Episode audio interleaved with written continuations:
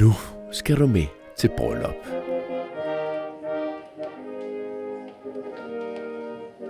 En forårsdag i 2004. Et meget fint bryllup. Det bliver endda sendt på tv direkte. Her brudens far og hans kone, Susan Elizabeth Donaldson, der går til bords.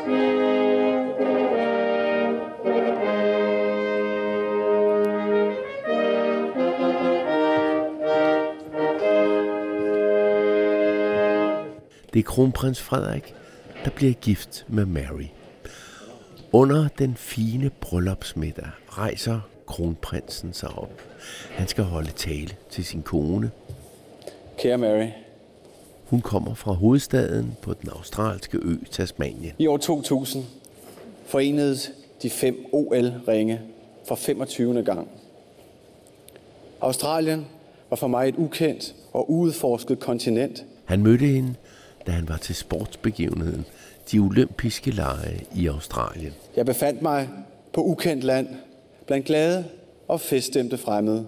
Kronprins Frederik fortæller meget tidligt i talen om Jørgen. Næsten 200 år tidligere var en anden dansker ved navn Jørgen Jørgensen ankommet under andre forhold, men ligeledes med stor forventning og selvtillid. Det er der vist ikke mange af bryllupsgæsterne, der ved, hvem er. De kender slet ikke noget til ham her, Jørgen. Men det gør du. Du er nemlig landet i det 18. afsnit af den fantastiske historie om den danske eventyr, Jørgen Jørgensen. Han sejlede til Tasmanien, dit land, en stat i Australien. Her skabte han sig et rygte, som endte med at tage livet af ham. Det kan godt være, at der ikke var mange af bryllupsgæsterne, der kendte historien om Jørgen Jørgensen. Men det gjorde Frederik, og det gjorde Mary. Mary kommer nemlig fra Hobart, en by, som Jørgen var med til at grundlægge for mange hundrede år siden. Og som han 20 år efter han havde grundlagt den, vendte tilbage til på en lidt mindre sjov måde, nemlig som straffefange.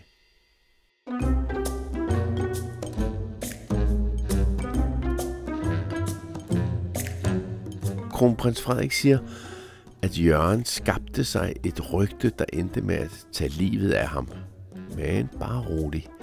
Jørgen dør altså ikke forløbig. I hvert fald ikke i det her afsnit, selvom han er lige ved. Velkommen til den 18. episode af historien om Jørgen Jørgensen. Nu skal vi på ekspedition.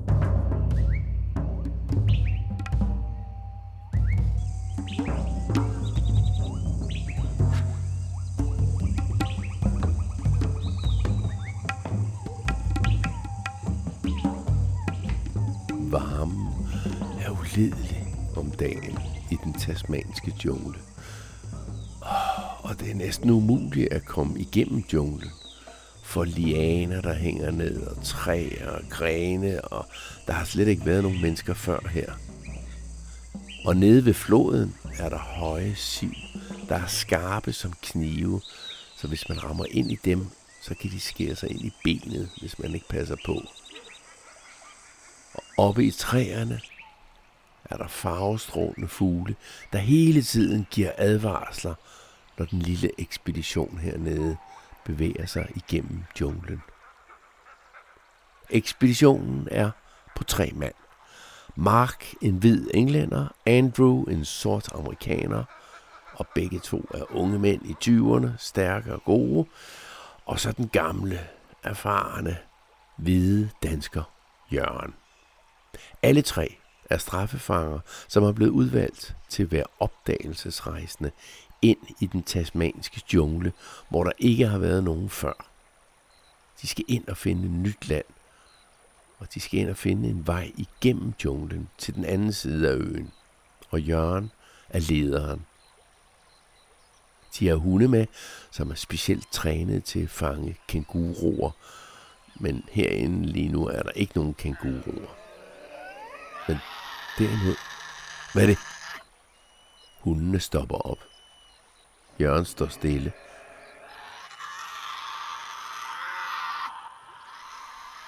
Det lyder farligt. Men er de så store, som de lyder? Nej. Det er tasmanske djævle.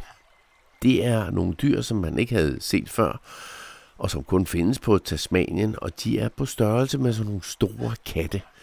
De er sorte, og de har meget skarpe tænder, øh, men de er altså ikke så farlige, som de lyder. Og Jørgen og hans opdagelsesrejsende finder også hurtigt ud af, at de ikke behøver at være så bange for de små djævle, de tasmanske djævle. Jørgen og ekspeditionen har hundene, og Jørgen har så gar en sabel med. En flot sabel, som han har fået som gave af ham, som har bestemt, at de skulle ud på ekspeditionen.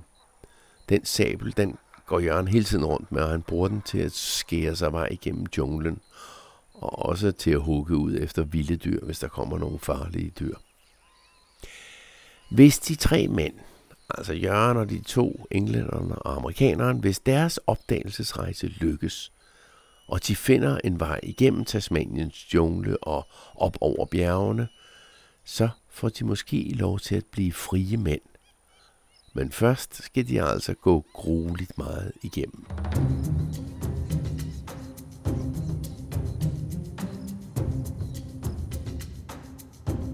De har hver en rygsæk.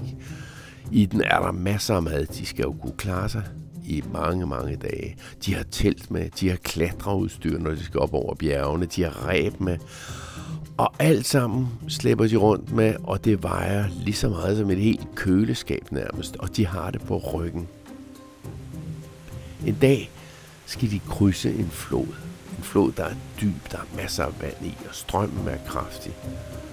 Jørgen går forrest, og vandet går ham næsten helt op over skuldrene, og strømmen hiver i ham. Og lige bag ham går så amerikaneren, som Jørgen kalder for Black George.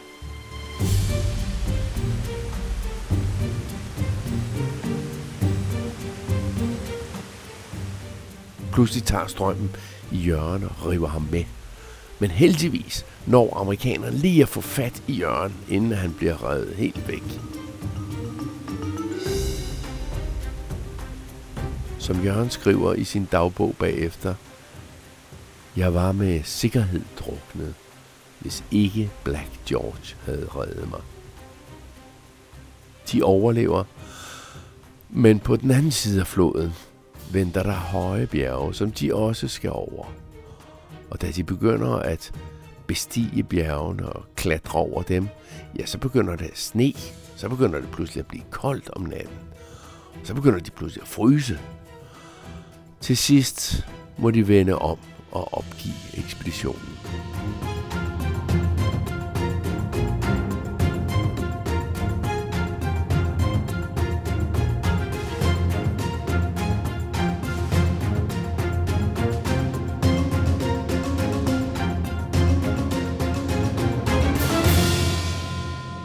Da de kommer tilbage til byen, til Hobart, får de at vide, jamen ekspeditionen er jo ikke lykkedes, så I kan ikke blive fri mænd.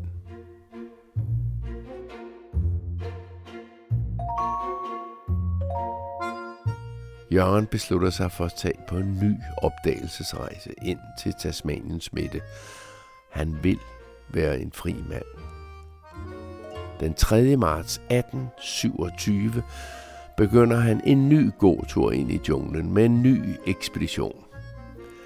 Ham, der har bestilt Jørgen og hans mænd til opgaven, har nu besluttet, at der skal en anden leder til opdagelsesekspeditionen. En ung mand, som ikke er straffefange, en, som har gået på universitetet og er klog og kan tegne landkort og sådan noget, men han har nu aldrig prøvet at være i junglen før. Lorimer hedder han. Jørgen og Lorimer bliver ikke rigtig gode venner. Lorimer vil hele tiden bestemme. Det vil Jørgen sådan set også godt.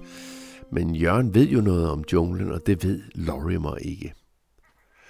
Selvom de er uenige, så betragter Jørgen nu stadigvæk Lorimer. Ja, han er jo en rejsekammerat, og de er en fælles gruppe, så vi skal hjælpe hinanden. De kæmper sig vej igennem junglen. En dag skal de også krydse en flod. Og Lorimer siger, han går forrest. Jørgen fortæller ham, det kan være farligt med den her stærke strøm. Men Lorimer går alligevel ud som første mand i floden. Bagefter skriver Jørgen i sin dagbog. Pludselig så vi stakkels Lorimer dukke under. Han kom lige op et par enkelte gange med hovedet, men så tabte vi ham for altid af syne. Lorimer druknede i floden.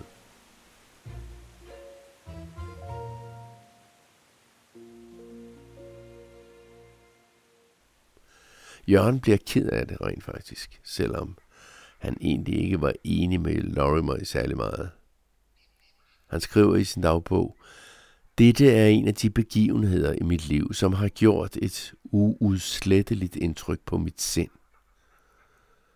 At se min kammerat på sit livs højdepunkt få dette alt for tidlige endeligt berørte mig dybt.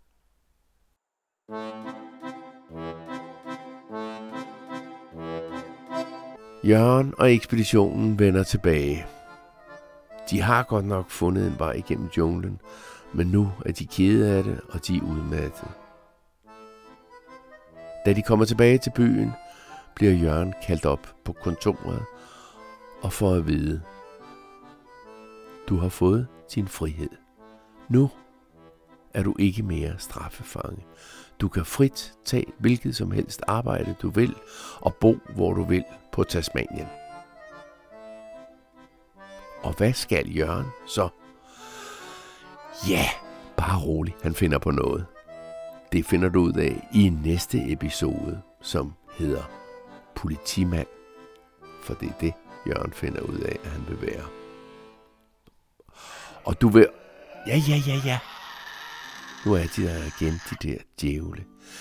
Det er de tasmanske djævle igen. De er sure over, at jeg... Undskyld, jeg sagde noget forkert i starten af den her podcast. Jeg sagde, at de kun findes på Tasmanien. Det passer altså ikke helt.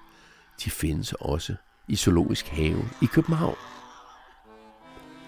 Da kronprinsesse Mary og kronprins Frederik fik deres første søn, Christian, så fik de nemlig også en gave fra Australien, da Mary jo kommer dernede fra. Det var tre tasmanske djævle, men dem kunne man jo ikke have op på kongeslottet Amalienborg. Så dem fik Zoologisk Have i København. Og du kan se dem derude. Ja, rent faktisk kan du se over 20 tasmanske djævle i Zoologisk Have i København lige for øjeblikket. Du har hørt den 18. episode af den fascinerende historie om Jørgen Jørgensens liv. Med lydglimt fra for eksempel kronprins Frederik og kronprinsesse Marys bryllup fra Danmarks Radio. Og du har også hørt en masse musik, som er leveret af Epidemic Sound. Og historien her fortsætter i den 19. episode. På genhør i den. Jeg hedder Claus Vitus.